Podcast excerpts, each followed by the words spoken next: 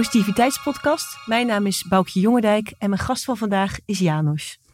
Janos, je wordt ook wel de alchemist op gimpen genoemd. Ja, ja. En vandaag heb je ook weer fantastisch mooie gele gimpen aan. je bent eh, auteur van prachtige boeken, trainer, healer en eh, ja, zoals ik het noem, digitaal en visionair kunstenaar van heilige geometrie. Daar gaan we het heel graag nog over hebben.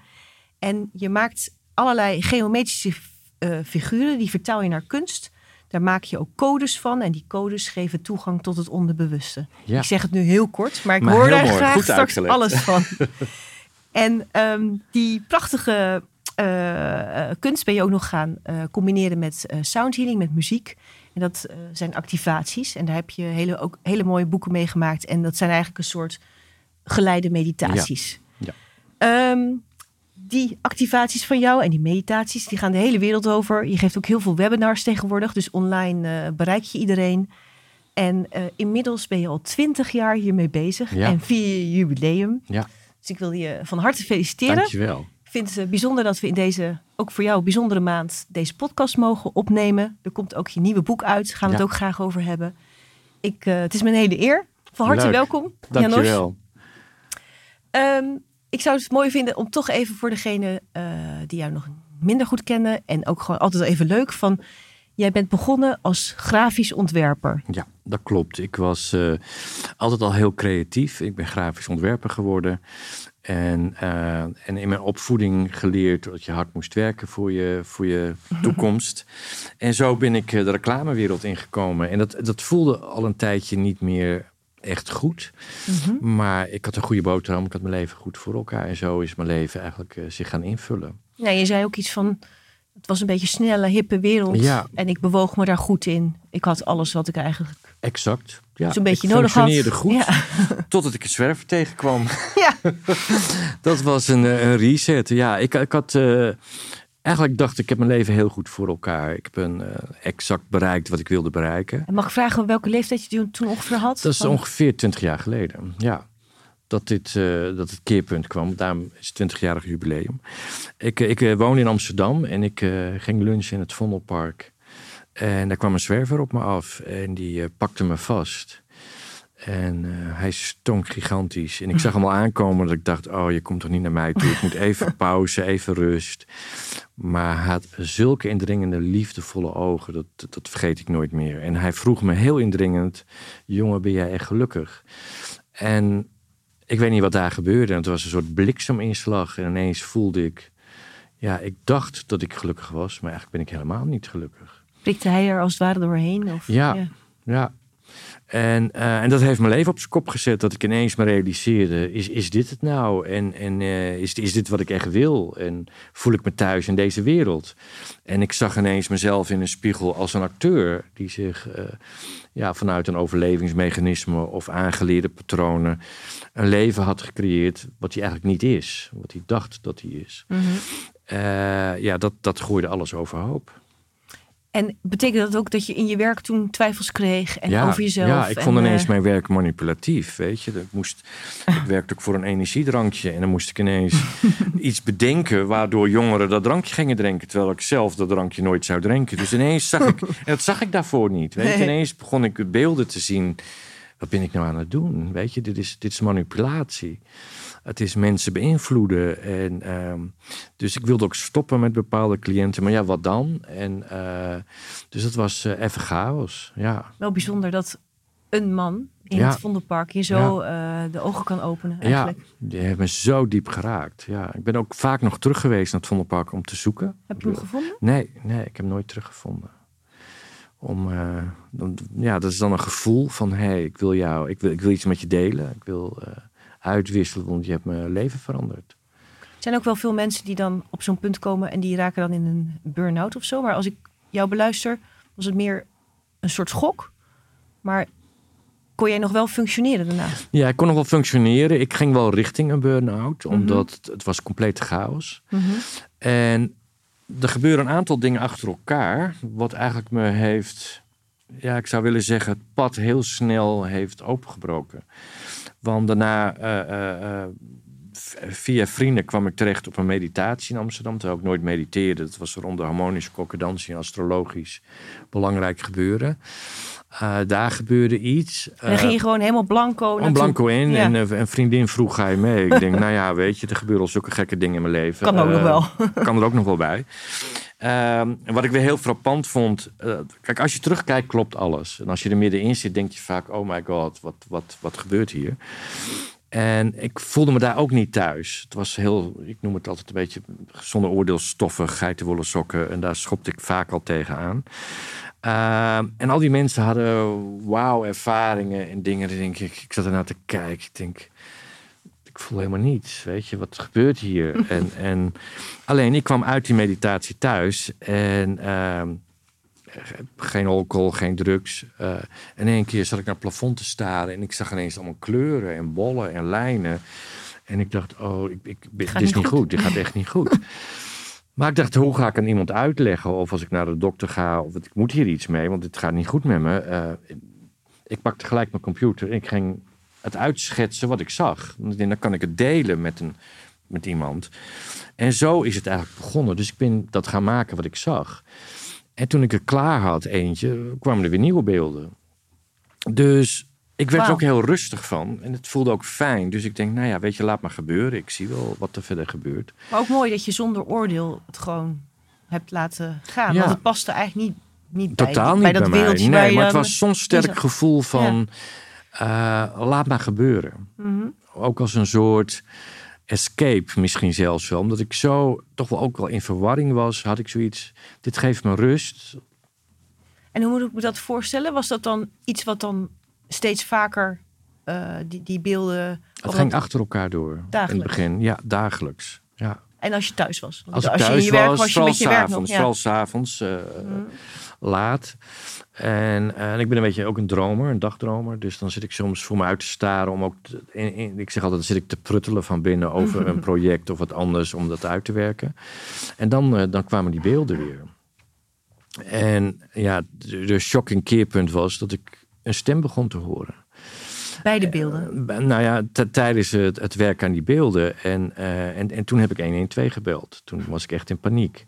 Ik was alleen thuis en ik was weer beelden aan het maken. En, uh, en ik hoorde een stem zoals jij tegen me praat, heel duidelijk. En ik mhm. dacht eerst, er moet iemand binnen zijn die me toespreekt. En dus het hele huis door.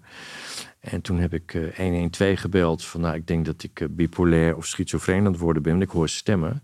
En je leest wel eens die berichten dat mensen gekke opdrachten krijgen. Ineens uh, iemand ombrengen, weet ik veel. Ik raakte helemaal in paniek. Dus ik, ik had 112 gebeld. Dus een half uur later zat ik op de huisartsenpost. Oh, mm En... Uh, dan was het op dat moment gelukkig niet druk. Dus die arts nam echt even de tijd voor me. En die vroeg van alles. En toen zei ze, ik denk dat er niet zoveel aan de hand is. Waarom ga je niet gewoon eens luisteren naar die stem? Nou, toen dacht ik, nou, het is dus schijnbaar redelijk normaal. dus ik ben gaan luisteren. En uh, daar is het mee begonnen. werd je er rustig van? Of was nou, niet in het begin. Paniek, in het begin heel erg. De paniek was wel weg, want door die stem werd ik heel uh, rustig. Ik mm -hmm. voelde dat ik ging ontspannen de stem zei ook dingen. Want in het begin denk ik, is het mijn fantasie? Is er iets raars gaande? Maar daar, kwamen echt dingen naar voren. Denk ik, ja, dat kan niet uit mijn fantasie komen. Want hier ben ik helemaal niet mee bezig. Mhm. Maar ik werd er ook heel rustig van. En het voelde heel prettig. En het voelde als een soort... Ik kreeg zelfs een soort heimweegevoel over me heen.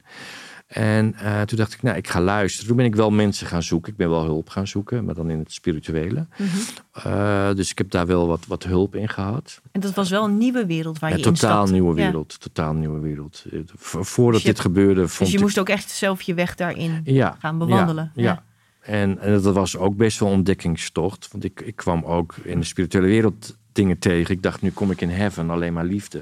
Nou, het was een harde landing. dus ook de spirituele wereld is niet alleen liefde. En dat was een ontdekkingstocht, ja.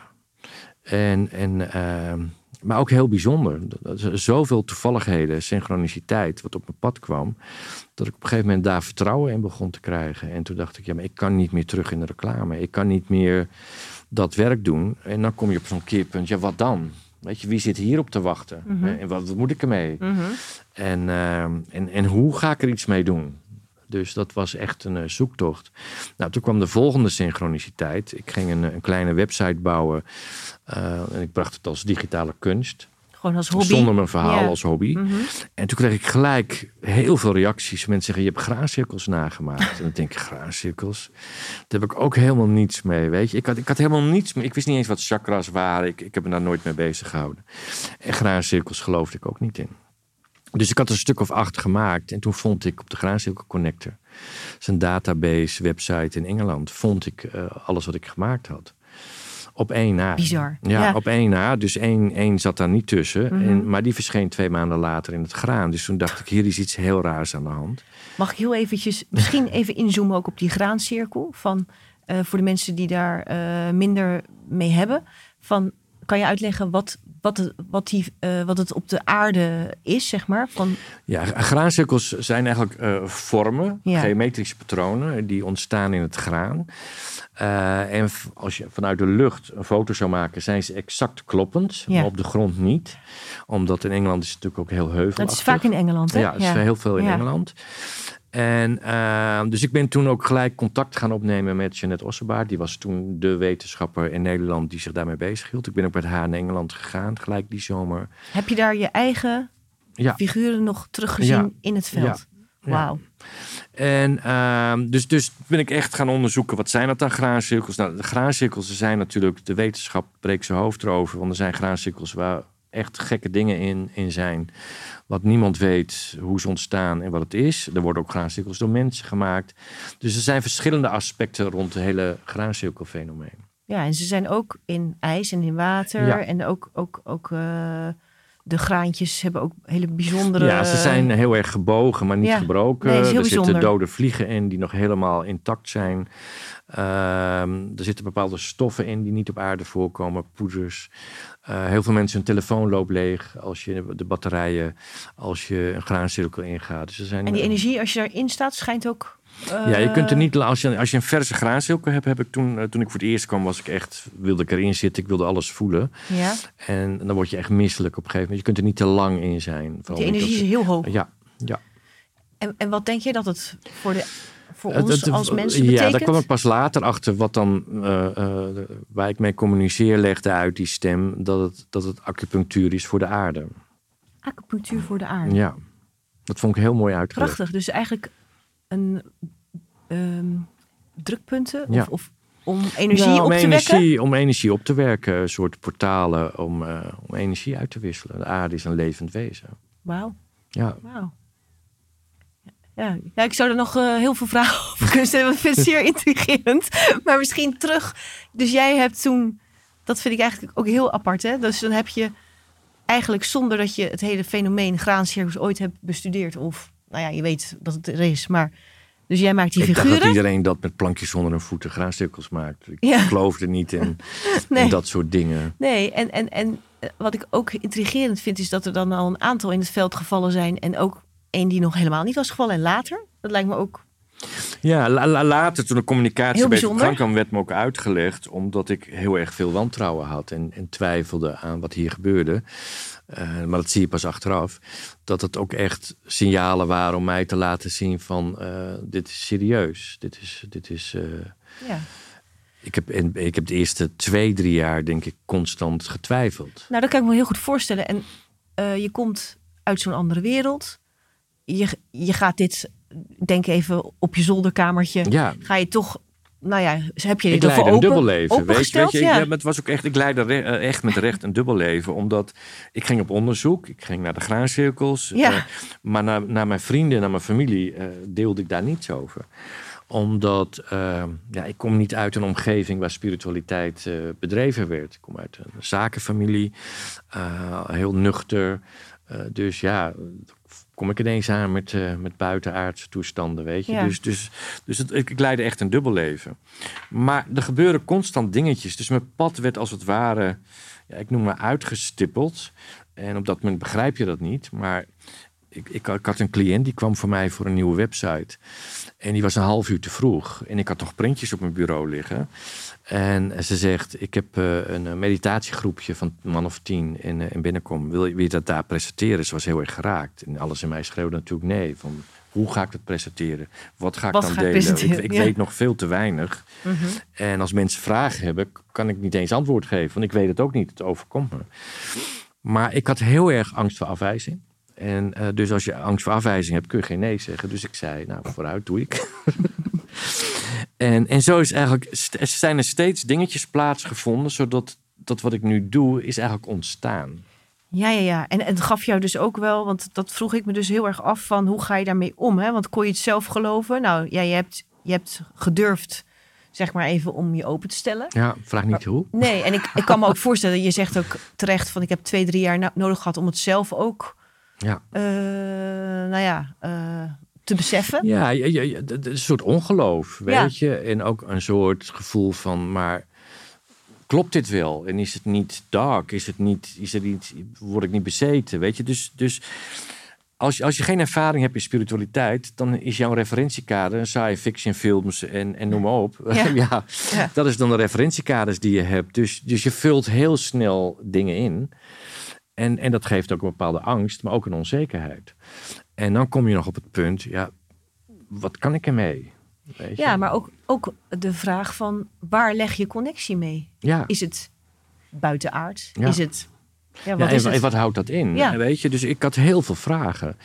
Ehm, en ik geloof, ik heb altijd wel geloofd dat er meer tussen hemel en aarde is. Maar buitenaard is natuurlijk weer een heel ander aspect. En mhm. wat, wat is dat dan? Ja. Ehm, en je referentiekader is dan toch vaak weer science fiction films. uh, dat, je, dat je daar beelden bij krijgt. Terwijl het is natuurlijk, zit natuurlijk heel anders in elkaar. Weet je, uh, je, je, zit in een parallelrealiteit. Het zijn andere dimensies. Uh, dus het buitenaardse aspect is niet zo buitenaard zoals we dat in films zien. Maar als je dat niet weet, dan denk je straks word ik ontvoerd. Of je, je leest soms van die verhalen. Je had van alles in je hoofd. Mm en dat is echt een zoektocht, maar ook een ontwikkeltocht. Om steeds kleine stapjes te maken. Kijken, voelt dit veilig voor me? Uh, Kan ik dit? Durf ik dit? En dan de grote vraag, ja, als ik niet meer terug wil in de reclame, want dat voelde ineens niet meer goed. -hmm. Ik voelde, ik moet hier iets mee. Ik voelde, het was ook voor mij thuiskomen. Dat was het dubbele. Dus het was, ik zeg wel eens, als, als menspad dacht ik, dit durf ik niet, daar kan ik niks mee. En als zielenpad had ik het gevoel, ik kom thuis. Dit is waarom ik hier ben. Dit is, dit is wat ik wil. Ja, en wat was dan ook het moment van uh, na dit zoeken? Het moment waarop je durfde, je moest het dus eerst voor jezelf helder hebben. Wat was dan het moment waarop je durfde het ook aan je familie, et cetera? Nou, Eigenlijk de, de, ja, dat, dat kwam door dat kerkje in binnenkom.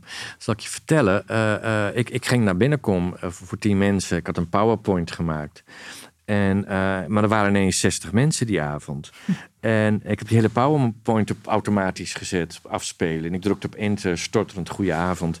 En ik ben naar buiten gerend. Ik denk, nou, dit, dit is verschrikkelijk. dit is echt vreselijk. Wat heb ik gedaan? Maar daarna komen de reacties, wat het met mensen doet en, en wat er gebeurde. En ja, dan ga je verder onderzoeken en denk je, ja, maar als dit mensen zo raakt, hoe mooi is dat om mensen te raken? En dus dus was, het, was, het was een proces. Mijn persoonlijk proces heeft eigenlijk ook het project doen ontwikkelen. En eigenlijk is het nog steeds zo. Ik zeg wel eens, ik, ik moet elke code die ik maak doorleven, anders kan ik het niet delen. Ik, ik heb zo met mezelf afgezworen in die tijd. Ik wil nooit van mijn leven meer een acteur zijn. Ik wil nooit meer iets doen wat ik niet voel. Dus, dus mijn persoonlijke processen en, en het proces van wat er gebeurde en mhm. waar ik iets mee wilde doen, ja, dat liep hand in hand. Ja, en als je terugkijkt naar dat, uh, dat stuk, hè, dat is een heel interessant stuk geweest, maar ook ingewikkeld. Ja, confronterend. Uh, een van je inzichten was: ik wil nooit meer iets doen wat ik eigenlijk niet wil. Maar was er nog iets anders ook bij? Want eh, is er nog een inzicht waarvan je zegt van nou, dat heeft me ook toen. Uh... Nou, een van de grootste inzichten was wel, kijk, op een gegeven moment ga je onderzoek doen in het mhm. spirituele landschap. En dan kom je goeroes tegen, je komt meesters tegen, je komt allerlei soorten teachers tegen. En, en dan voel je gewoon, hé, hey, die, die kan mij iets leren. Of en, en, en ontdek je ook dingen, dan denk je, maar hoe, hoe zit dit? En, en hoe zit die wereld in elkaar? Ik, ik zou een voorbeeld noemen. Ik, ik, ik boekte een workshop. Wat, wat was een guru uit India, die gaf een, een workshop in een klooster. En ik wilde alles meemaken, ontdekken, voelen. En het, was, het hele weekend was biologisch, dynamisch, uh, vegetarisch. Uh, en, er werd, en hij had hele pleidooien over uh, dieren, vlees en noem maar op. En, mhm. en dat vond ik echt boeiend, want ik, nu eet ik geen vlees meer, maar toen nog wel. Uh, En ik zat daar de tweede dag, zat ik daar op die retreat. En ik had zo'n zin aan een stuk normaal eten. Dus ik ben er tussenuit gesneakt. en een bistro binnengestapt. En wie zit daar aan tafel aan een biefstuk? Die goeroe, weet je? Dat ik denk, wat is dit voor wereld? Waar, waar, kom ik nu in terecht, weet je? Dus, dus ik, ik kwam, ik, het, het was een heel verwarrende tijd. Ja. En toen kreeg ik mijn grote les uh, van Acturianen, waar ik mee communiceer.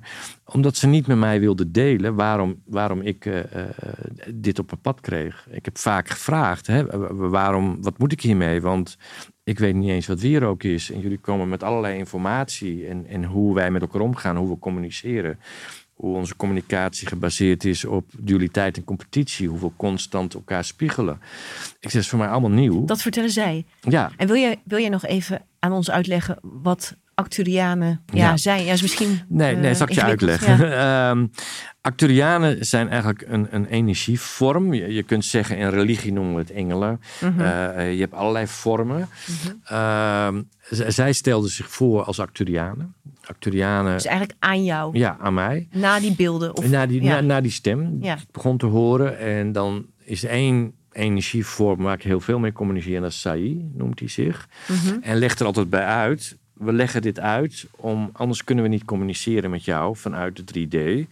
Maar eigenlijk zijn wij niets en we zijn alles. Dus het is een energievorm. Het heeft geen vorm, maar aan de andere kant het heeft alle vormen. Mm -hmm. Uh, dus het is een parallelrealiteit die zich plaatsvindt op hetzelfde moment, op dezelfde plaats. Daarom is buitenaards ook een beetje mo ja, moeilijk uit te leggen. Want dan krijg je heel vaak die science fiction ideeën. Ja, dat het ja. buiten de aarde is. Uh, mm -hmm. Zij zeggen dat er niets buiten ons is. Alles, mm -hmm. alles is in ons en om ons. En alles speelt zich af op hetzelfde moment. Alleen we hebben dimensieverschillen. Dus onze, onze denkwijze is natuurlijk lineair. Lineair, ja. Lineair. En, en zij zeggen, maar het is niet lineair. Dus daarom worden dingen soms uitgelegd vanuit verleden, heden, toekomst en buiten, mm -hmm. binnen.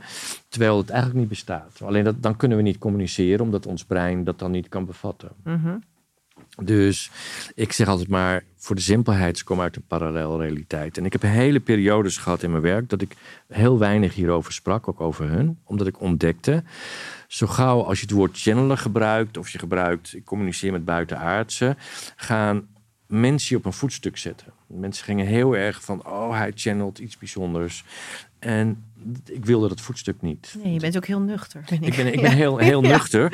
Maar dat, dat, ook door mijn verleden, dus alles klopt later, zie je dat pas. Mm -hmm. dat, ik, dat ik ook dacht, maar ik wil nooit meer iets doen wat buiten mezelf is. Dus, dus dat gevecht heeft me ook geholpen om mijn stijl te vinden. En um, dan ben ik het even kwijt. Je wilde eigenlijk zeggen dat de Acturianen die kwamen bij jou en die ja, wilden jou. Waarom? Jij vroeg je af waarom? Ja, ja waarom ik? Of, ja, ja, en, en, uh, en ze zeiden vaak: daar ben je niet klaar voor om het antwoord te krijgen. Dus ik wilde werken oh. aan mijn proces van angst voor afwijzing, angst om te falen. Dat had ik heel sterk. Daar was ik ook in alles wat ik vroeger deed heel fanatiek. Mm -hmm. Bewijsdrang, uh, noem maar op. Uh, ging ik niet mijn angst voor afwijzing uitwerken, maar ik ging het overschrijven. Door heel erg in mijn ego te gaan. Ja, ja. En dus omdat zij dat niet wilde vertellen, dacht ik, nou, misschien ben ik wel een hele bijzondere ziel. Misschien ben ik wel een grote teacher, weet je. Misschien ben ik wel een reïncarnatie van, misschien wel van Jezus, weet je. Dus allerlei fantasieën kwamen. En dat, dat nam beslag in mij. En wat gebeurde er met je? Ging je je ook anders gedragen? Ja, ik ging me anders gedragen. Ik werd wat arroganter. Ineens die angst voor afwijzing was weg, maar niet echt weg. Maar het werd, werd eigenlijk... Overroeld? Ik overschreeuwde mezelf. Mm -hmm. En... Uh, en, en daarin raakte ik mezelf kwijt. Dat heeft ongeveer een half jaar geduurd. Uh, in mijn omgeving, vrienden uh, zeiden wel van... Hey, Janos, uh, even weer demmen. demmen. demmen. Je gaat nu wel heel erg... maar dat, was gewoon in, dat paste bij het proces. Totdat ze zeiden... Janus, we gaan jou maar eens goed uitleggen... waarom we met jou contact hebben opgenomen. En uh, toen dacht ik, nou, nu ga ik een feestje neerzetten, champagne halen. Want nu krijg ik eindelijk de bevestiging hoe bijzonder ik ben. En toen zeiden ze, Janus, we hebben jou gekozen omdat we wisten dat je het leuk zou vinden. Nou, dat was een leuk zou vinden. Leuk zou vinden. Dus dat was een hele afknapper. Niks groots, niks belangrijks. Maar, maar je vond het wel leuk. ja. Nou, achteraf op dat moment niet. Want het paste natuurlijk niet in het proces waar ik in zat. Uh, en, en daarmee hebben ze mij geleerd. Voel je dat als afwijzing? Ja, dat voelde dat ik echt als afwijzing. Ja, ja, dat was echt wel een afwijzing. Alleen wat ik eruit geleerd heb en wat zij ook steeds als informatie brengen, de grootsheid zit in ieder mens zelf. Dat is eigenlijk een hele mooie boodschap. Ja, Ja. dat als jij echt gaat doen waar je van houdt, dan kom je in je grootsheid. En wij durven vaak niet te doen waar we van houden, omdat we allemaal eh, aangeleerde patronen hebben wat ons gevormd heeft, waar we moeten voldoen. Dus Ja, en dat er dus dingen op je pad kunnen komen die misschien een ander eh, raar vindt. ja, Wat jou is overkomen. Ja. Dat je dan, de, ja, ja dus, dus eigenlijk was het heel mooi achteraf. ja. En dat heeft, ja, dat heeft me heel veel geleerd. Mhm. Dus, dus het hele ontstaan van wat ik doe is eigenlijk een persoonlijk proces geweest, waardoor het vanuit gevormd is. En daarom is het ook authentiek, denk ik. Ja, En, eh, en dat vind ik ook belangrijk. En daar, daarom vind ik ook altijd fijn. eh, weet je, ik krijg vaak heel vaak reacties van mensen die zeggen: Maar je blijft zo bereikbaar. En ik zeg: Ja, maar waarom niet? Wat, wat, wat is. Ik doe alleen maar wat ik leuk vind. Wat maakt mij anders dan jij? is mooi, hè? Nou ben je helemaal... ehm, eh, het is eigenlijk begonnen bij geometrie. Waarvan ik ook denk, dat, dat zit natuurlijk eigenlijk ook al in je grafisch ontwerperschap. Ja, Geometrie, dat is eigenlijk al super oud, hè? Ja. Ik bedoel, Ja. eh, als we naar de piramides kijken en dat soort dingen. eh, ze spreken ook over de heilige geometrie. Ben je daar naar aanleiding van de beeldenissen nog meer ingedoken? Ja, in het begin wel, en nu minder, omdat ik kwam erachter toen ik onderzoek deed dat de mysteriescholen van Egypte hadden een 24-jarige opleiding gebaseerd op Zo. geometrie. Daar werden priesters dus, dus vooral in, in het priesterschap opgeleid in, in de taal van geometrie. En mag ik vragen, is dat dan wiskundig? Of hoe Ja, je dat 12 zien? jaar is wiskundig Ja. en 12 jaar is energetisch. Oké, Eh, dus eerst komt de, de, de, de technische onderbouwing. Mhm. Want eh, Plato heeft er al en Pythagoras al heel veel over geschreven. Er zijn heel veel boeken over gevonden. Maar die zijn helaas in het bezit van het Vaticaan. Dus ik denk, wat houden ze achter? Dus die hebben daar, de- Mhm. Plato noemde het altijd de taal van de ziel. De Ja. Arcturianen zeggen, jij en ik zijn geometrie. Van, vanuit celopbouw tot elk orgaan. maar is ook zo, hè? gulden Ja. snede. Ehm, de, de, dus ge- geometrie is een resonantie, is, is, is energie, is een frequentie, net als dat muziek, alles is trilling. En ehm, dus toen ben ik eh, een workshop gaan volgen bij Drunvelo. Drunvelo is eigenlijk eh, degene die heel veel onderzoek heeft gedaan naar geometrie. Mhm. eh, om, om het te snappen. En toen kwam ik er eigenlijk achter. Ik wil eigenlijk niet naar de wetenschappelijke kant gaan van geometrie. Want dan kun je jaren workshops vullen. Het is zo indruk, indrukwekkend, maar ook interessant. Maar ook zo breed ingewikkeld. Ja, ja. Mhm. Dat ik dacht, dan gaan we weer naar het hoofd. Ik ga de energetische kant eh, pakken. Wat kunnen we ermee? Wat doet het? Wat levert het ons op? Dus toen ben ik echt geometrie technisch eigenlijk een beetje los gaan laten. ja, en als je dan zegt, Plato zei de, de taal van de ziel. Is het volgens jou ook echt een taal? Ja, het is een Heel taal. anders dan wij een taal met Het is woorden een hebben? universele taal die Mhm. dus, eh, wat ik geleerd heb, in het hele universum eh, begrepen wordt. Ja, dus, dus eigenlijk bestaan we eruit als natuur. Ja. En we, we snappen hem eigenlijk. Allemaal. Ja, de of je nou in eh, ja. Afrika Da- da- woont je hoort ook vaak van mensen die Ja. ayahuasca doen of, of andere eh geestverruimende middelen gebruiken, vaak geometrische patronen zien. Oh, Dus, dus alleen het- weet je dan niet wat het betekent. Nee, nee. dat is jammer. Maar, eh, eh, du- dus wij, wij bestaan daaruit. Wij, wij zijn geometrie. En als we uit balans zijn, even in een notendop, Mhm. zijn we dus uit ons geometrisch patroon. Dus geometrie kan je helpen om weer in jouw source te komen, in jouw eigen energieveld te komen. En het onderbewustzijn, de ziel, die snapt dat. ja. Het brein snapt het niet. En Dat- was in het begin bij mij ook mooi, een grote gevecht. Dat is ook ik- ingewikkeld. Van, eh, ja, ja. maar in het begin, dat was ook het gevecht. Ik wilde het begrijpen. Ja. Ik wilde iets uitleggen. En dat is best wel een proces geweest dat ik dacht, ik moet, ik moet stoppen met uitleggen. maar bleef je toen ook misschien hangen op dat wiskundige? Ja, omdat Want- dat je krijgt ja. vragen. En je wil Mhm. jezelf onderbouwen. Dat heeft weer te maken met een tekort aan eigenwaarde of zelfvertrouwen. Dat je dingen wil beargumenteren. Dus ook dat was, zo kwam allerlei processen. Ik zit vol proces hoor. dus zo kwam ook dat proces van, van zelfvertrouwen. Dat ik denk, ja, ik ben mezelf nu aan het verdedigen. Dus ik ben allerlei onderzoek aan het doen om het te kunnen onderbouwen. Ja. Maar eigenlijk heeft het mijn interesse helemaal niet. Ik vind het En dat is helemaal ook niet wat de mensen erin zoeken, hè? Want de mensen Nee. zoeken juist die, denk die energetische kant. Ja, maar twintig jaar terug was het nog wel anders. Kreeg ik, misschien was dat de doelgroep toen, ik weet het niet. Maar kreeg ik heel veel technische vragen. Ja? En, en ik voelde dat ik daaraan moest voldoen. Dat, dat hoorde dan bij Mhm, mijn proces mhm. ergens aan voldoen. En dat ben ik op een gegeven moment gaan loslaten. Ik denk, nou, voelt het, voelt het, voelt het niet. Eh, je hoeft er niks mee. Weet je, ik dring het je niet op. Nee. Dus toen ben ik veel meer in het stuk gaan zitten. Nou, het res- resoneert met degene die het voelen. En als het niet resoneert, prima, ik heb niks uit te leggen. En Is nou ook nog dat jij bijvoorbeeld, als je naar piramides of andere bouwwerken, dat het jou heel erg extra intrigeert? Als het zeg maar uiterlijke, als geometrie in de ja, uiterlijke. Ja, maar wat me vooral intrigeert is de verborgen geometrie. Kijk, de piramides is heel duidelijk. Ja. En eh, En kan je een voorbeeld noemen van verborgen geometrie? Nou, er zijn heel veel tempels, eh, vooral in het boeddhistische landschap, die niet gelijk zichtbaar geometrie hebben. Maar als je alles berekent, hetzelfde met de kathedralen. Ik, Ja. ben, ik, ik heb er eentje staan, kan ik straks laten zien. Ben ik me ook gaan verdiepen in kathedralen. Wat, wat, wat wisten ze ook omdat ze bepaalde boeken geheim houden? Waarom voelt iedereen, ook als je niet gelovig bent, je Ja, toch prettig in een het, kathedraal? ja. Je Mhm. voelt het. Ja. Wat is dat? Mhm. Nou, alle kathedralen zijn gebouwd volgens bepaalde geometrische principes. Dat zie je niet gelijk. Soms zie je het in het glas in lood of zie je het in de bogen, maar verder niet. Maar alles is, heeft exact een verhouding wat een bepaald energieveld neerzet, maar ook een energieveld openzet met andere dimensies. Dus daarom voelen heel veel mensen zich verbonden. En in de religie is dat met God of met Jezus. Maar het is een portaal. En dat is niet gelijk zichtbaar, maar wel voelbaar. Ja, en kunnen we dat nu ook nog bouwen, dat soort dingen? Want verbaast zijn, best ja. wel. eh, kijk, sinds ik hiermee naar buiten kwam, ontmoet ik allerlei soorten mensen, ook architecten. ja, En er zijn best wel architecten die dat gebruiken. Ja. dat is wel heel mooi eh, iets. Dan ben je vanuit, eh, als ik het goed zeg, vanuit de geometrie ben je ook nog ehm, ja, de, de trillingen en de, hoe zeg je dat, de muziek gaan toevoegen. ja, dat, dat kwam Is dat al vanaf het begin of ben je dat Nou, later gaan doen? Dat was al vanaf het begin dat, ik, dat, dat, dat het over kwantumenergie ging, over trilling en frequenties. En toen werd me uitgelegd dat in een ruimte kun je de energie veranderen door middel van trilling en frequenties als je een drager hebt. Dus de energie moet ergens op gedragen worden. Uh, muziek is een van die dragers. Muziek is trilling, die komt in een ruimte en de weerkaatsing maakt dat wij het kunnen horen. Mhm.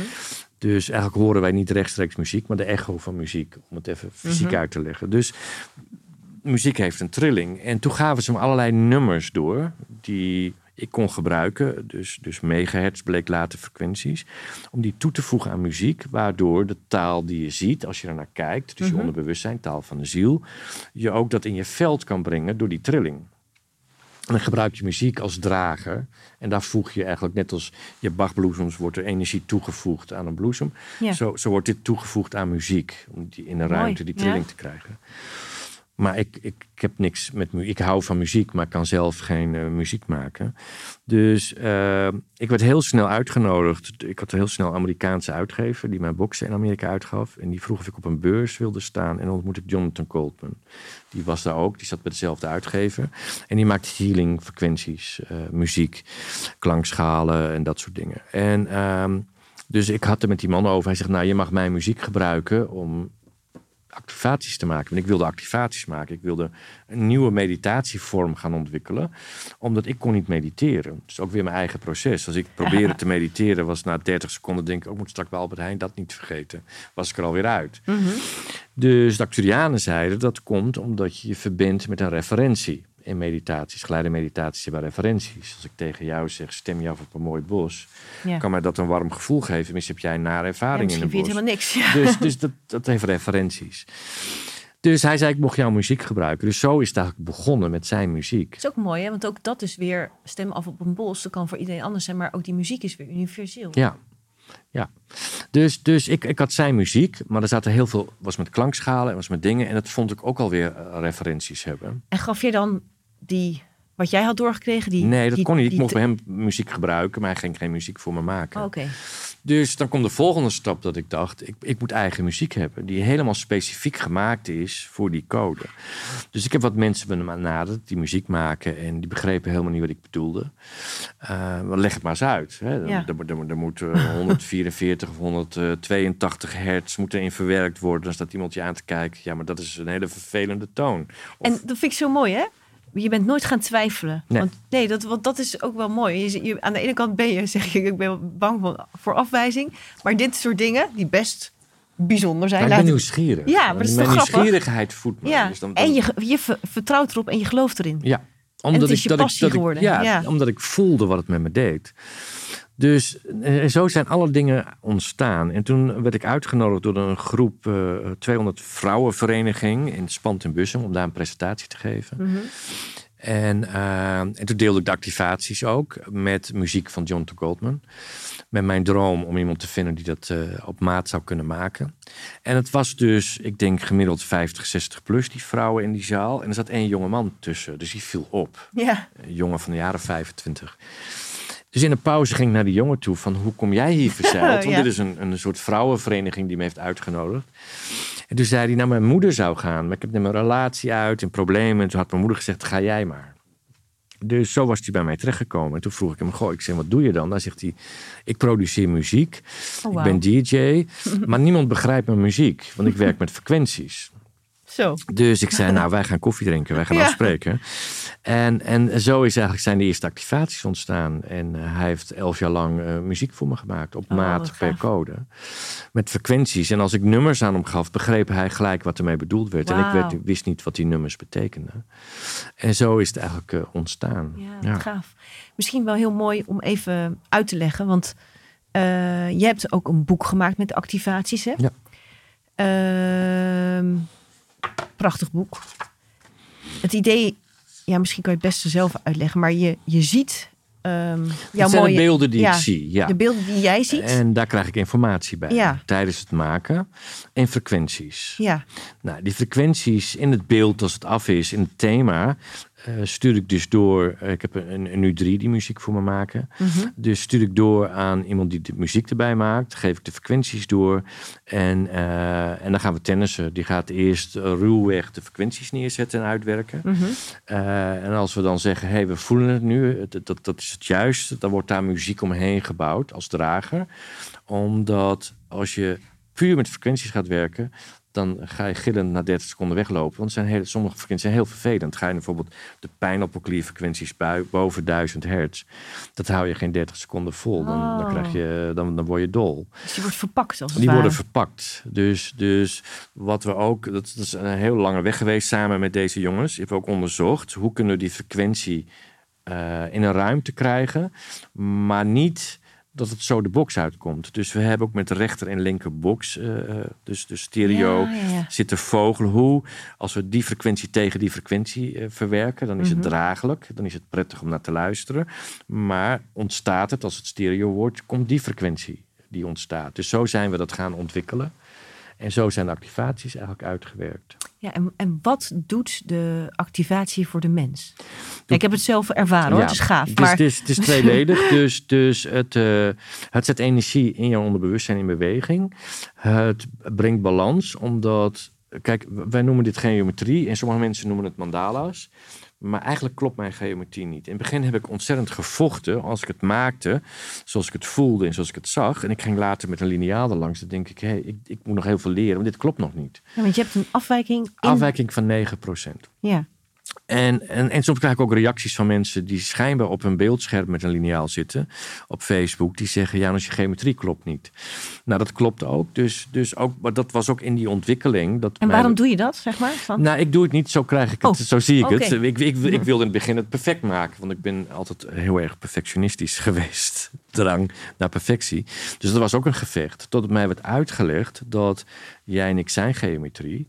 En ons brein, ons, ons systeem is erop gericht dat wij altijd aan het compenseren zijn om balans te zoeken. Mhm. Ik leg wel eens uit, stel dat iemand heel depressief is, Mhm. zoekt die balans in drugs of alcohol of andere dingen. Dus we zijn constant met die Zoeken. rechter en linker brein zijn wij aan het compenseren om die balans te vinden, en vaak in extreme. Mhm. Dus iemand die bijvoorbeeld eh, heel erg onzeker is, kan iets ontwikkelen die zichzelf overschreeuwt. Om, om, dus we zijn altijd bezig met dat gevecht.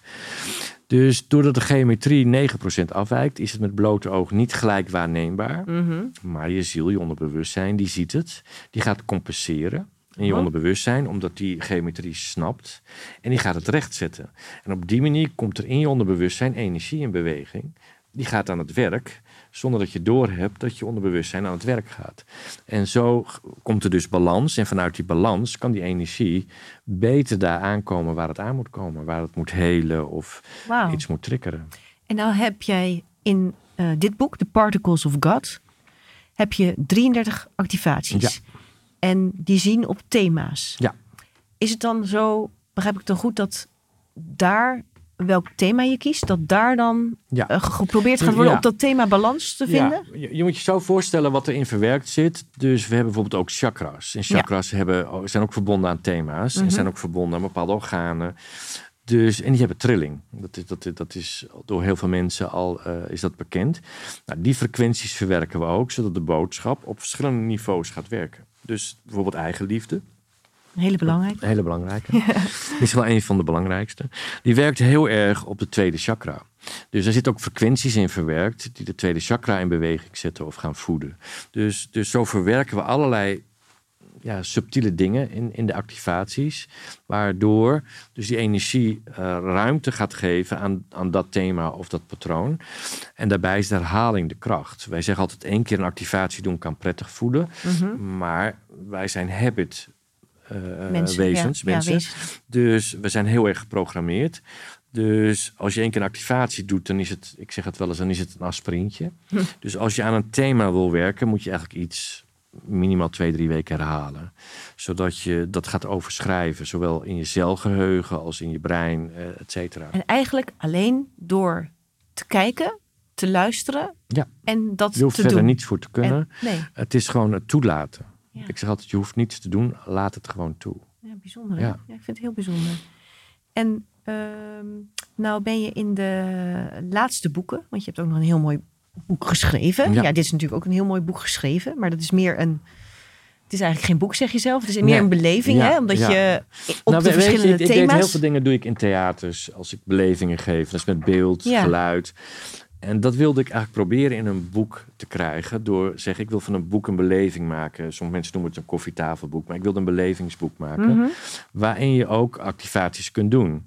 Nou, misschien twintig jaar terug had ik er een cd in gedaan. Eh, dat Ja. is niet meer van deze tijd. Dus nu heb ik met QR-codes gewerkt. Zodat je ook wat je leest en waar je naar kijkt, kun je dus ook gaan beleven. Ja, dat is echt heel mooi. En wat me opvalt is dat eh, dit boek, wat ook recent, tenminste nog niet Ja. zo lang is uitgekomen, God ontmoet God. De zoektocht naar wat goddelijkheid betekent. Gaat ook over God. Ja. Je God nieuwe, is een rode draad. nou, ja. je nieuwe boek wat er aankomt, want dat is heel bijzonder. Eh, wanneer komt het uit? Deze volgende week. Volgende week Ja. al. Dat is The Bread of God. Ja. Ik was even benieuwd, eh, het thema God. En Het thema wil je daar God- iets over zeggen? Ja, hoe jij. God ziet? Want Zeker wil ik dat. Ik moet je beginnen te zeggen, ook in mijn keerpunt, ik had ontzettende weerstand op religies en op het thema God. Mhm. En dat komt, ik ben Nederlands hervormd opgevoed. Ik heb hele lieve ouders, ik heb een goede jeugd gehad, maar er was nooit diepgang. Er was ook geen tijd voor. Ik kom uit een zakenfamilie en als ik een thema had, ik, ik, ik hield van filosoferen, ik was altijd nieuwsgierig. En ik, als ik dan met mijn moeder sprak, dan pakte ze gelijk de Bijbel. Lees hiermee in, er staat alles in. Maar ik wilde contact met mijn moeder. Maar zij pakte gelijk de Bijbel. Mijn moeder was heel religieus. Dus ik had heel veel weerstand ontwikkeld eh, tegen religie, tegen het, het, gods eh, gebeuren. Tot ik contact kreeg eh, met Acturianen en die me uitlegden dat wij allemaal zelf God zijn. Nou, dat was natuurlijk in het begin heel beladen. Maar ik kan ook een beetje een rebel zijn. dat ik dacht, oké, laat ik dan, omdat het mijn, ook mijn proces weer is, de weerstand op dat God en de, mijn weerstand op, eh, op, dat, op dat hele religie gebeuren. Ehm, ik ga dat thema aanpakken en ik ga ook dat thema meenemen in mijn werk om dat om te zetten, dat die beladenheid eruit gaat. Want het is, het is heel zwart-wit. Je hebt mensen die geloven in God, je hebt mensen die zijn er tegen, er zit eigenlijk niks tussen. Dat ik ontdekte dat, dat het hele, ook als je de Bijbelverhalen anders leest, het hele godsgebeuren gaat eigenlijk over de mens. Mhm. En dat wij allemaal daar een deel van zijn. En hoe meer mensen bij dat godsdeel komen, hoe meer de vibratie van de aarde gaat stijgen en we hemel op aarde creëren. Het is eigenlijk ook een heel mooi verhaal dus. Ja, Ja. dus eh, en dat kwam eigenlijk toen zij uitlegde als de twee één worden, gaat de hemel open. Dat zeiden de Acturianen. Ja. Wat heel frappant is, dat kwam ik later tegen in een Bijbelstuk. Dat Jezus dat zegt, als we twee één worden, eh, gaat de hemel open, dan gaat het koninkrijk open. Dus toen ben ik weer gaan onderzoeken, wat bedoelt je daarbij? Je kunt het op verschillende manieren uitleggen. Hè? Als, als, dan kom je in de, in, in de groep van mensen die zeggen, ik moet mijn tweelingziel tegenkomen. Wat dan ja, want dat, twee... is, dat is ook in jouw boek, ga je, dat, ga je die, Ja. die zoektocht ook ja, aan. Ja, maar het boek gaat erover, over tegenpolen. ja. Dat Acturianen me uitlegden dat wij allemaal vaak vanuit de, comfort, vanuit veiligheid, kiezen we altijd gelijkgestemden. Ik hoor ook heel vaak als wij een open dag organiseren, mensen zeggen, oh heerlijk, een dagje met gelijkgestemden. en Acturianen zeggen, met gelijkgestemden groei je niet. Dus zoek je tegenpool. En er is een ultieme tegenpool op deze aarde. Als je die tegenkomt, ontstaat er oorlog, om het zo te zeggen. En als je daar doorheen gaat, dan kom je dus terug in je source. Dus het boek, daarom heb ik het God ontmoet God noemt, gaat eigenlijk over twee tegenpolen die twee uitersten zijn. En allebei een puzzelstukje hebben. Jij en ik hebben allebei een puzzelstukje. En als we dat puzzelstukje kunnen leggen, krijgen we het volgende Eureka-moment. En zo zijn er allemaal puzzelstukjes. En toen dacht ik, nou dan noem ik het God ontmoet God. Ik kreeg ook dit teken door, de, de vierkant en de cirkel. De cirkel staat voor het vrouwelijke, de vierkant voor het mannelijke. En eh, ook in het Sanskriet en ook kom je deze shape tegen. Da Vinci heeft deze gebruikt ja. bijvoorbeeld. En dat In de gaat, tekening waar hij Ja, zo staat. ja. Ja. dus, dus toen dacht ik, ja, maar dat gaat over. eh, We zijn allemaal goden en we zijn allemaal op zoek naar iets. Heel, ik vertaal het ook wel eens als in het begin, ook toen ik mijn pad vond en, en, en echt weer gelukkig, echt gelukkig begon te worden, dat ik soms nog steeds een ontevredenheid kon hebben. En dan veroordeelde ik mezelf. Waarom voel ik soms toch ontevredenheid? En dan werd er weer uitgelegd dat komt omdat je een herinnering hebt waar je vandaan komt en dat je weet dat er iets op deze wereld is wat bij jou hoort. Alleen dat kan niet hier plaatsvinden. En dat is het terugvinden van jouw andere deel. Want die tegenpool, dat werd uitgelegd, is eigenlijk ben jij ook. Dus er zijn twee persoonlijkheden van jou hier op deze aarde. De ziel is opgesplitst. Dat is het verhaal van God ontmoet God. Mhm. En als je die twee, als je die twee Vindt, elkaar ontmoeten, ja. wordt het eerst oorlog. Want jullie zijn echt tegenpolen. Mhm. En als dat wordt doorbroken, dan kun je weer daarna als ziel één worden. Ja, Even in een notendop. En ik, ik, ik kan niet te veel erover uitleggen, want dan zeg ik altijd, moet je Nee, het boek nee, maar nee, lezen. anders het is, dan... het is heel intrigerend. Maar je moet ook in het boek goed opletten van hoe gaat Er het. spelen en- allerlei verhalen ja, door het elkaar heen. Het is echt heel mooi. En wat, wat heel grappig is in dit boek, voor mijzelf, is dat mijn realiteit en de symboliek in het boek gingen door elkaar heen lopen. Want je schrijft natuurlijk over. A zit er een dialoog in met Saï. ja. Daarnaast gaat hij een symbolisch verhaal met me delen over twee tegenpolen. Ja. Dus dat zijn twee karakters. Dus dat is Ja. fantasie, om het zo te zeggen. Ja. Een symbolisch verhaal. Maar mijn werkelijkheid begon, het begon allemaal door elkaar heen te lopen. Weet je, vooral aan het eind was, was gewoon, wist ik niet meer wat is realiteit en wat niet. Om een voorbeeld te noemen. Maar Ik- dat, ook als lezer zit je soms te zoeken van, Ja. ja, hoe, hoe zit dat? Nou, het zijn Ja. heel veel mensen die zeggen, ja, als ik hem de tweede of de derde keer lees, dan, dan valt die. En, en, ehm, en, en heel veel mensen herkennen zich er ook in. Ook heel veel mensen zeggen, het lijkt wel of je over mij geschreven hebt. Ja, Dus ja, dat was, eh, dit boek was voor mij, is voor mij een soort nieuwe bijbel geworden. ja ik, even kijken, ik weet nou niet of ik die tekst heb uit dat boek, maar oh nee, dat staat in de Particles of God. Ik zocht naar God en vond mezelf. Ik zocht naar mezelf en vond God. Ja. Maar dat slaat eigenlijk ook ook wel op hierop. dit boek, ja, ja. dat vond ik eigenlijk wel heel Ja. mooi. Ja, Van, maar eigenlijk zeg je, we zijn allemaal een deeltje ja, God. ja. En dan God in de hele brede betekenis. Ja. ja heel mooi. Dan ehm, ben ik even heel erg benieuwd van... ehm, je hebt heel veel met geometrie. Je hebt veel met frequenties, trillingen. Doe je met kleuren, ook fantastische kleuren. Krijg je die kleuren ook door? Ja. Ja, Je, je moet het eigenlijk zo zien, de taal is heel breed voor het onderbewustzijn. Onze, ons onderbewustzijn is gevoelig voor kleur. We hebben zakkenkleuren, aura-kleuren. Mhm. dus, dus rood geeft een andere emotie dan groen. Mhm. Uh, maar daarnaast hebben we ook nog numerologie. ja, dat wilde ik nou net Ja. vragen. Is er nog een link met numerologie? Een numerologie Ja. is ook iets wat ons onderbewustzijn snapt. Ja. Want het zijn ritmes. Hè? En ritmes zijn weer trillingen. Om- Dus in elke code die ik maak zitten ook een bepaald aantal balletjes, een aantal bepaalde lijntjes in, wat, wat, wat weer nummers eh, teweeg brengt. Vaak is het nummer 188, 144. Dus er komen heel vaak dat soort getallen in voor. Dus naast wat je ziet als geometrisch patroon zit er ook numerologie in, er zitten kleurenleer in Mhm. en er zitten trillingen en frequenties in. Dus eigenlijk is het, is het ja, zit er heel Een veel cocktail van. een cocktail eh, van verschillende ingrediënten die ja. de taal maken, als het ware. ja. En dan heb je in eh, dit boek Particles of Gods heb je 33 activaties. Zegt dat 33 dan ook nog iets bijzonders? Nou, dat Particles of God is eigenlijk begonnen in, eh, in Spanje. Ehm, ik ben heel gevoelig voor synchroniciteit geworden. Dus, Mhm. En ik ben een dagdromer. Dus ik was... eh, ehm, vorig jaar gaf ik een retreat in Montserrat. Ik geef heel vaak Mhm. retreats in Montserrat. Dat is mijn favoriete plek. In het klooster. en dan ga ik altijd een paar dagen eerder. Ik hou van Barcelona. Dus ik ga altijd naar de Sacrada even kijken.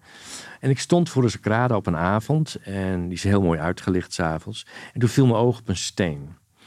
En dat vertaal, dat, die inleiding staat in dit boekje. Mhm. En die steen heeft allemaal nummers. Misschien keer die steen bij de ingang van de Sacrada. Misschien heb je die weer eens voorbij zien komen. ooit heel lang geleden geweest. Ja. En als je die nummers verticaal optelt, of horizontaal of kruislinks, komt er steeds 33 uit. Oh, En daar viel mijn ogen toen op. En toen voelde ik, 33 is ook het, het nummer van het Christusbewustzijn.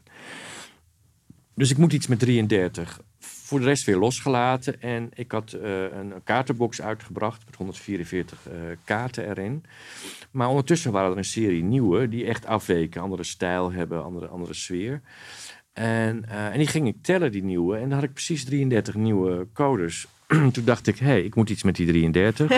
en zo ontstond Particles of God. ja. Ja. En dan je nieuwste boek, The Bread of God, Ja. is 100. 88. 88. Ja.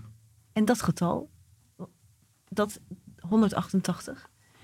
188 is, is, is, voor, is een cyclus, is, is eigenlijk een, een, het afsluiten van iets, het begin van iets nieuws. En heeft ook weer met het goddelijke te maken. Dus eh, ook weer geen toeval, want toen ik het boek ging maken, ik wilde graag een jubileumboek maken. En dan begin je met de opmaak, je begint met uitzoeken. En dan denk ik, hé, dat is wel toevallig. Op dit moment heb ik precies 188 codes gemaakt. Op het moment dat ik het boek wil maken. Het blijft wel doorgaan. Maar als je een boek maakt, dan, Dan stop je dan stop je ergens. Want ik kan nu niet hier iets bij plakken. Dus dat kwam weer precies uit op 188. Ja, prachtig. Ja, En dit is Positiviteitspodcast 88. wauw. Toen Ja, vroeg ik me je, af, is dit toeval? Nee, toeval bestaat niet. Hè? Toeval, toeval bestaat niet. En dat, dat is ook een boodschap die ik vaak wil overbrengen. Iedereen wordt geholpen. Iedereen Mm. heeft begeleiders. Iedereen zit, zit, zit in het, in het, in het kwantumveld. Mhm. Wordt ook wel het morfogenetische veld genoemd. eh, waar we allemaal met elkaar verbonden zijn. Alleen doordat we te druk zijn in het hoofd met de dagelijkse dingen en van A naar B te gaan, zien we dat niet meer. Maar als je echt daarop gaat letten, dan zitten hele, alle dagen vol wonderen. Nou, ik ontdekte het deze week ter voorbereiding van deze podcast. Toen ging ik zoeken.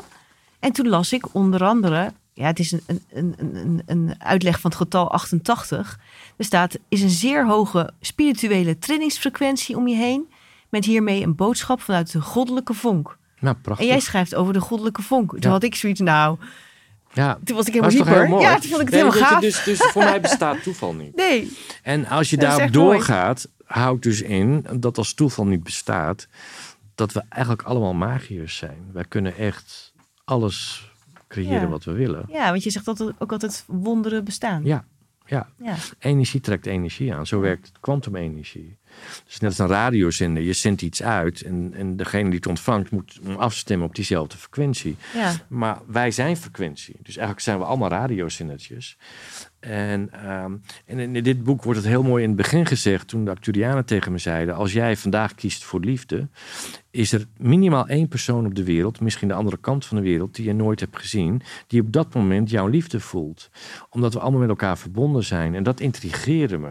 Mhm. Dus toen ben ik me gaan verdiepen, maar hoe werkt dat? En dan kom je op het morfogenetisch veld, het kwantumveld. En dan ontdek je, het is gewoon magisch. Ja. En wat we daarmee kunnen. Alleen we zijn zo geprogrammeerd aan het overleven.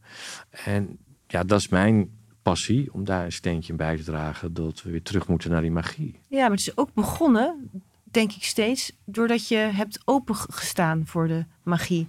Want als jij niet, als je had gedacht, joh, ik hoor wat stemmen en ik eh, neem het niet serieus en ik, ik, ik wil Nee, dit ik, niet. ik kon er niet omheen hoor. Nee maar, nee, maar dat vind ik wel grappig. Ik vind dat ook wel voor andere mensen gewoon wel een ding. Van ehm, dat je soms dingen op je pad hebt die totaal niet lijken te passen. Of, of eh, talenten hè, van mensen. Ja. Dat, dat ze denken, ja, maar daar ga, daar, daar ga ik niet aan beginnen. Terwijl dat juist zoveel mooie dingen Ja, teweeg kan Ik, brengen. ik gebruik het ook vaak als voorbeeld. Hè. Toen ik de eerste codes maakte, zoals ik ze noem, had ik die vraag die heel veel mensen hebben. Ja, en wat moet ik hier dan mee? En wat kan ik Ja. ermee? Terwijl ik voelde, alles wat ik in mijn leven voorheen gedaan heb, komt nu samen. Weet je, hoe ik, waarom ben ik grafisch ontwerper geworden? Wa- waarom heb ik bepaalde stappen in mijn leven gezet? Wat, wat ik nu kan gebruiken voor wat ik nu ga doen. En dat geldt voor iedereen. Als je terugkijkt in je leven, heeft alles een reden gehad. Maar vaak zegt het hoofd hoe. Weet je, ik hoor ook vaak mensen in workshops als we het over het grootste verlangen hebben. Hè, over Ja. wat is je droom en waarom je blijf je droom en droom en je mhm. passie. Dat mensen zeggen, ja, maar hier zit niemand op te wachten. Hier kan ik niet van leven. Dat, daar begint het vaak mee. Mhm. Terwijl ik zeg, ja, maar wie heeft dat bepaald? Dus dat hebben we aangeleerd. En die vraag had ik in het begin ook. Wie zit hier op te wachten? En wat kan ik ermee? En wie zit op mij te wachten? En, en, en dus, dus dan gaat het brein het overnemen. Die wil een vorm. Het brein wil gelijk hoe. Weet Ja. je, een vorm. En ik, ik heb heel erg moeten leren om uit die vorm te gaan. En in de energie te blijven. In het gevoel. En dan ontstaat het. Dan, dan komen de synchroniciteit op je pad. Dan ontstaan er dingen. Heel veel dingen in dit project zijn ontstaan vanuit synchroniciteit. Dat is niet gepland. Nee, maar die je misschien ook niet van tevoren met je hoofd had kunnen bedenken. Nee, dan had ik dit nooit eh, gedaan. Nee, en, en dat, is, dat was ook heel mooi in het gesprek met eh, Richard Telet van uh, Oersterk. Waarin jullie het hebben over passie. Ja. Eh, ik vond het heel mooi dat je zei, eigenlijk moet je gek doen. En gewoon blijven volgen en, en ook vasthouden. Ook al weet je op dat moment niet goed naar wat of hoe. hoe. Maar dat, En- maar dat was precies de eerste zin, toen ik die stem hoorde waar we het net over hadden, Mhm. de eerste keer. Dat was de eerste zin die aan mij werd toegesproken. Janos, alsjeblieft, wees gek in plaats van dat je gek wordt van je aanpassingen. en die zin kwam echt binnen, Ja. want ik was een en al aanpassing. Dus, maar wat is gek? Weet Mhm. je, wie bepaalt wat gek is? En dat heeft allemaal te maken met de referentiekaders van wat we hebben geleerd. Eh, dus, dus op school, in onze puberteit. We, we, we, zijn gevormd door dat verleden. Mhm. Maar dat is niet wie we zijn.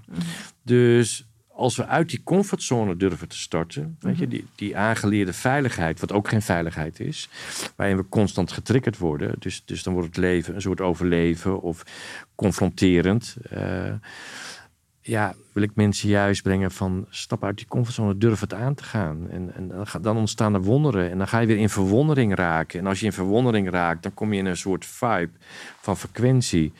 Ja, dan kom je thuis. Ja. Hoe zie je dat ehm, op dit moment? Hè? Want we zitten, ja, we zitten altijd in een bepaalde tijd Ja. en, eh, en bepaalde grilligheden of moeilijkheden.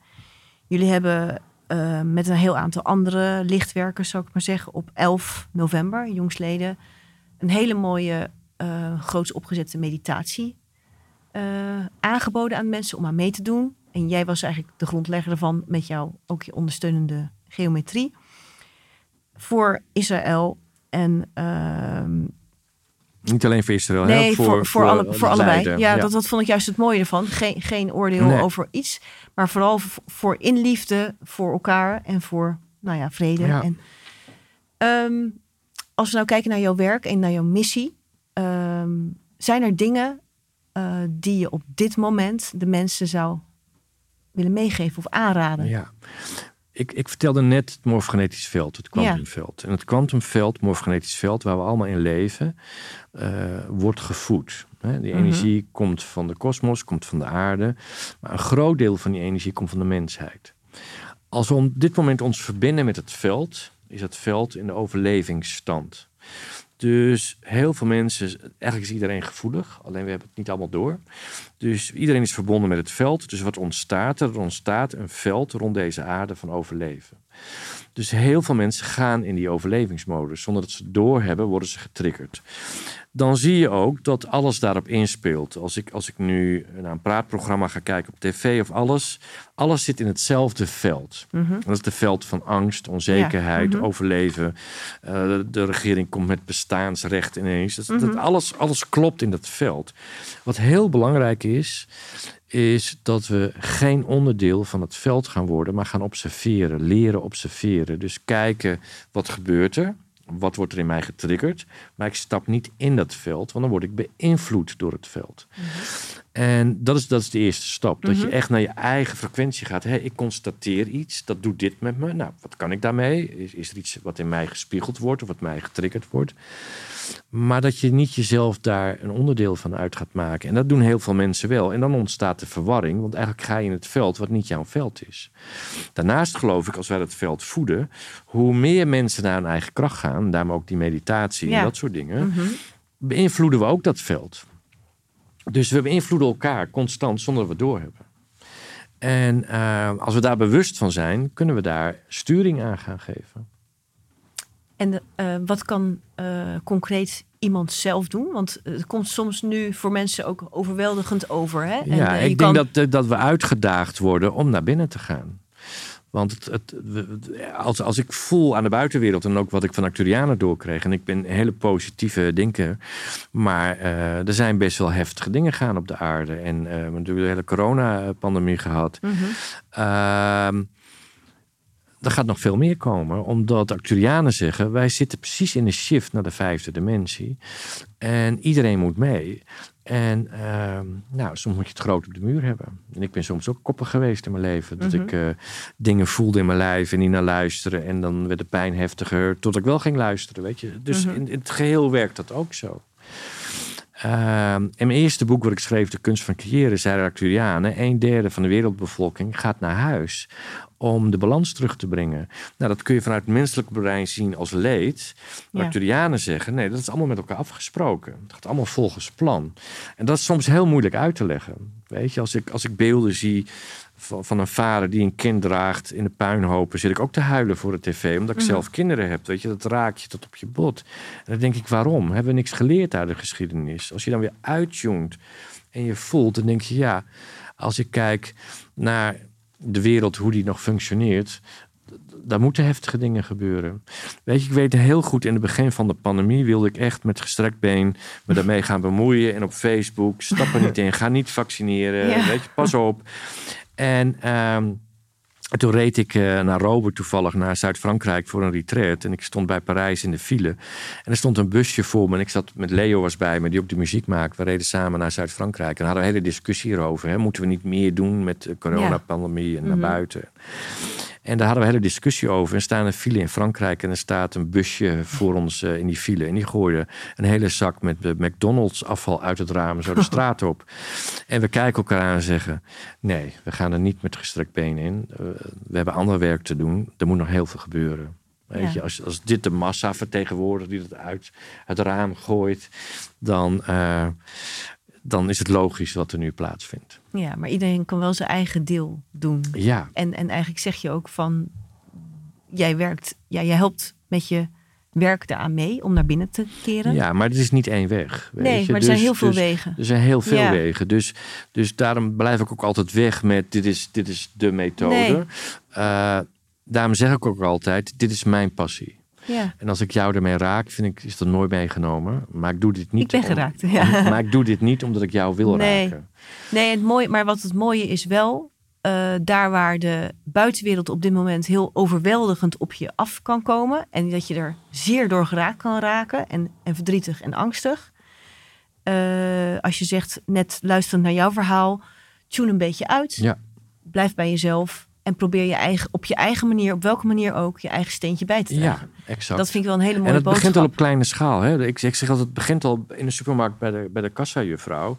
Die van alles oppikt zonder dat ze doorheeft. Want we hebben allemaal auravelden, we hebben allemaal energie.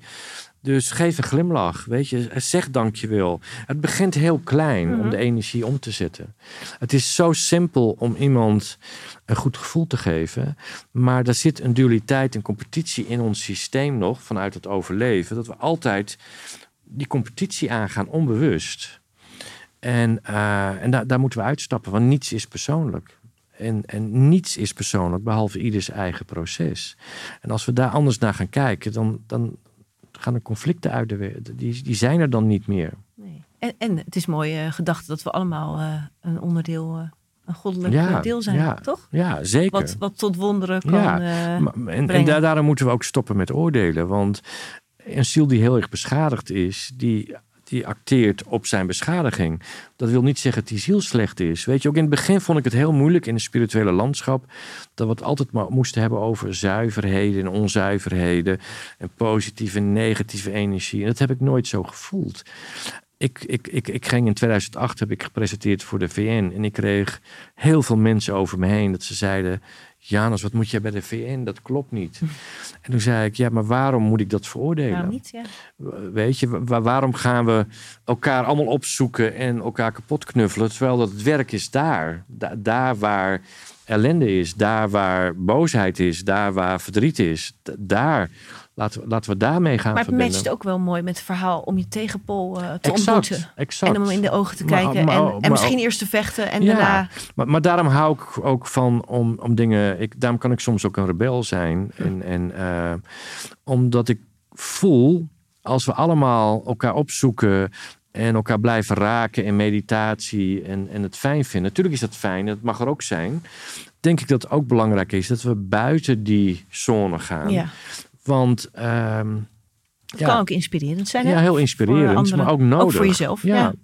en het begint heel klein. Dus we kunnen, kunnen wel een oordeel hebben over uh, de grote dingen in de wereld. Maar het begint met je buurvrouw of buurman. Het begint in de supermarkt. Het begint heel, heel klein. En als we het allemaal doen, dan zijn we toch uh, goed bezig. Ja, zeker. Dat is, uh, ten slotte, Janos. Ik vraag eigenlijk altijd alle mensen om een uh, tegeltje. Mm -hmm. Een tegeltjesspreuk. ik heb van jou een hele mooie gekregen. Ik lees hem even voor. Ja. Want hij was naar verhouding tot de anderen best wel lang. de mens werd geboren uit aarde en goddelijke adem. Een aards wezen dat ademde door Gods adem. Een goddelijke mysterie. Ja, wij zijn een goddelijke mysterie. Ja. Weet je, er is nog zoveel wat we niet begrijpen. Maar als we nou vanuit eigen liefde beginnen te erkennen dat we een goddelijk wezen zijn, dan kan alles gaan bewegen. Geeft ook een heel goed gevoel, toch? Ja, van, uh... ja. maar van binnenuit, hè? niet vanuit kijk mij nee, nee, nee. een goddelijk wezen zijn, maar herken het voor jezelf. Weet je, leef het. Ja, het voelt ook, uh, het voelt als, als ik dat zo, zo beluister ook heel erg van we zijn allemaal één. Ja. En dat komt ook wel weer bijzonder terug, vind ik, dat dan uh, de hele wereld, de hele natuur, zeg ik dan maar even, waar wij ook onderdeel van zijn, dan ook allemaal weer bestaat uit die geometrie. Ja, als je als je voorstelt, we leven allemaal op dezelfde planeet, in hetzelfde universum. En we dromen allemaal hetzelfde. We verlangen allemaal hetzelfde. Mm -hmm. Iedereen verlangt naar liefde. Iedereen verlangt naar verbinding. Iedereen verlangt ernaar om, om gezien te mogen worden, gehoord mogen worden. Dus we verlangen allemaal hetzelfde. En we leven in dezelfde tijd. En waar ik in alle workshops en sessies die ik gedaan heb, kwam ik erachter. We stoeien ook allemaal met hetzelfde. Als we dat nou eens gaan erkennen, dat wij hetzelfde proces hebben, hetzelfde zijn, maar ook dezelfde angsten hebben, dan gaan we elkaar veel sneller erkennen en hoeft het geen gevecht meer zijn. Dus we zijn allemaal hetzelfde. Alleen door onze ervaringen en bagage uiten we verschillend. Maar als we die schil weghalen en we gaan naar de essentie, dan hebben we dezelfde dromen, dezelfde verlangens en ook dezelfde angsten. Dan is het eigenlijk uh, vrij simpel. Ja, ja precies. Dankjewel voor je mooie verhaal. Graag gedaan. Um, jullie hebben, ja, je hebt nu je 20-jarig jubileum. Ja, Daar hangen ja. een heleboel leuke dingen aan vast. En zou je nog even aan de mensen willen vertellen waar ze jouw uh, nieuwe boek kunnen vinden? Want je kan ook al pre-orderen. Ja, janos.com. Daar vind je al mijn dingen die ik ontwikkel. Daar is ook mijn nieuwe boek te vinden. Die komt nu uit. En daar staat eigenlijk alles in wat ik de afgelopen twintig jaar heb gedaan. En wat anekdotes, verhalen. Want het was geen... Uh, niet altijd een makkelijk weg. Maar ik heb ook heel veel gave dingen meegemaakt. Dus dat omschrijf ik in het boek. Ik deel de 188 codes. En, uh, en ik heb besloten, ik maak eenmalig een uitgave, geen herdruk. Oh. Uh, ik vond, het is een jubileumboek. En die geef je uit tijdens je jubileum. En is die op, dan is die op. Oh, dus mensen moeten er snel bij zijn. Leuk. Kijk, maar al mijn boeken uh, ja, ja. maak je herdrukken. Dit is al, was al vrij snel de tweede druk. En met jubileumboek heb ik bedacht, dat ga ik niet doen. Ik wil iets unieks gaan delen. En degene die je moet hebben, die zal hem hebben. Fantastisch. Ik hoop dat je nog heel lang met dit mooie werk doorgaat. Hartelijk bedankt voor, Dankjewel. Je, voor je gesprek. Vond het heel fijn. En graag tot nog vaak zien. Dankjewel. Dankjewel. Bedankt voor het luisteren. Wil je meer inspiratie en een vleugje positiviteit van de mooie gasten die ik interview? Abonneer je dan op het kanaal waar jij het liefste luistert op de Positiviteitspodcast. Ook op mijn website boukjejongerijk.nl kun je alle afleveringen terugvinden. Fijne dag en tot over twee weken.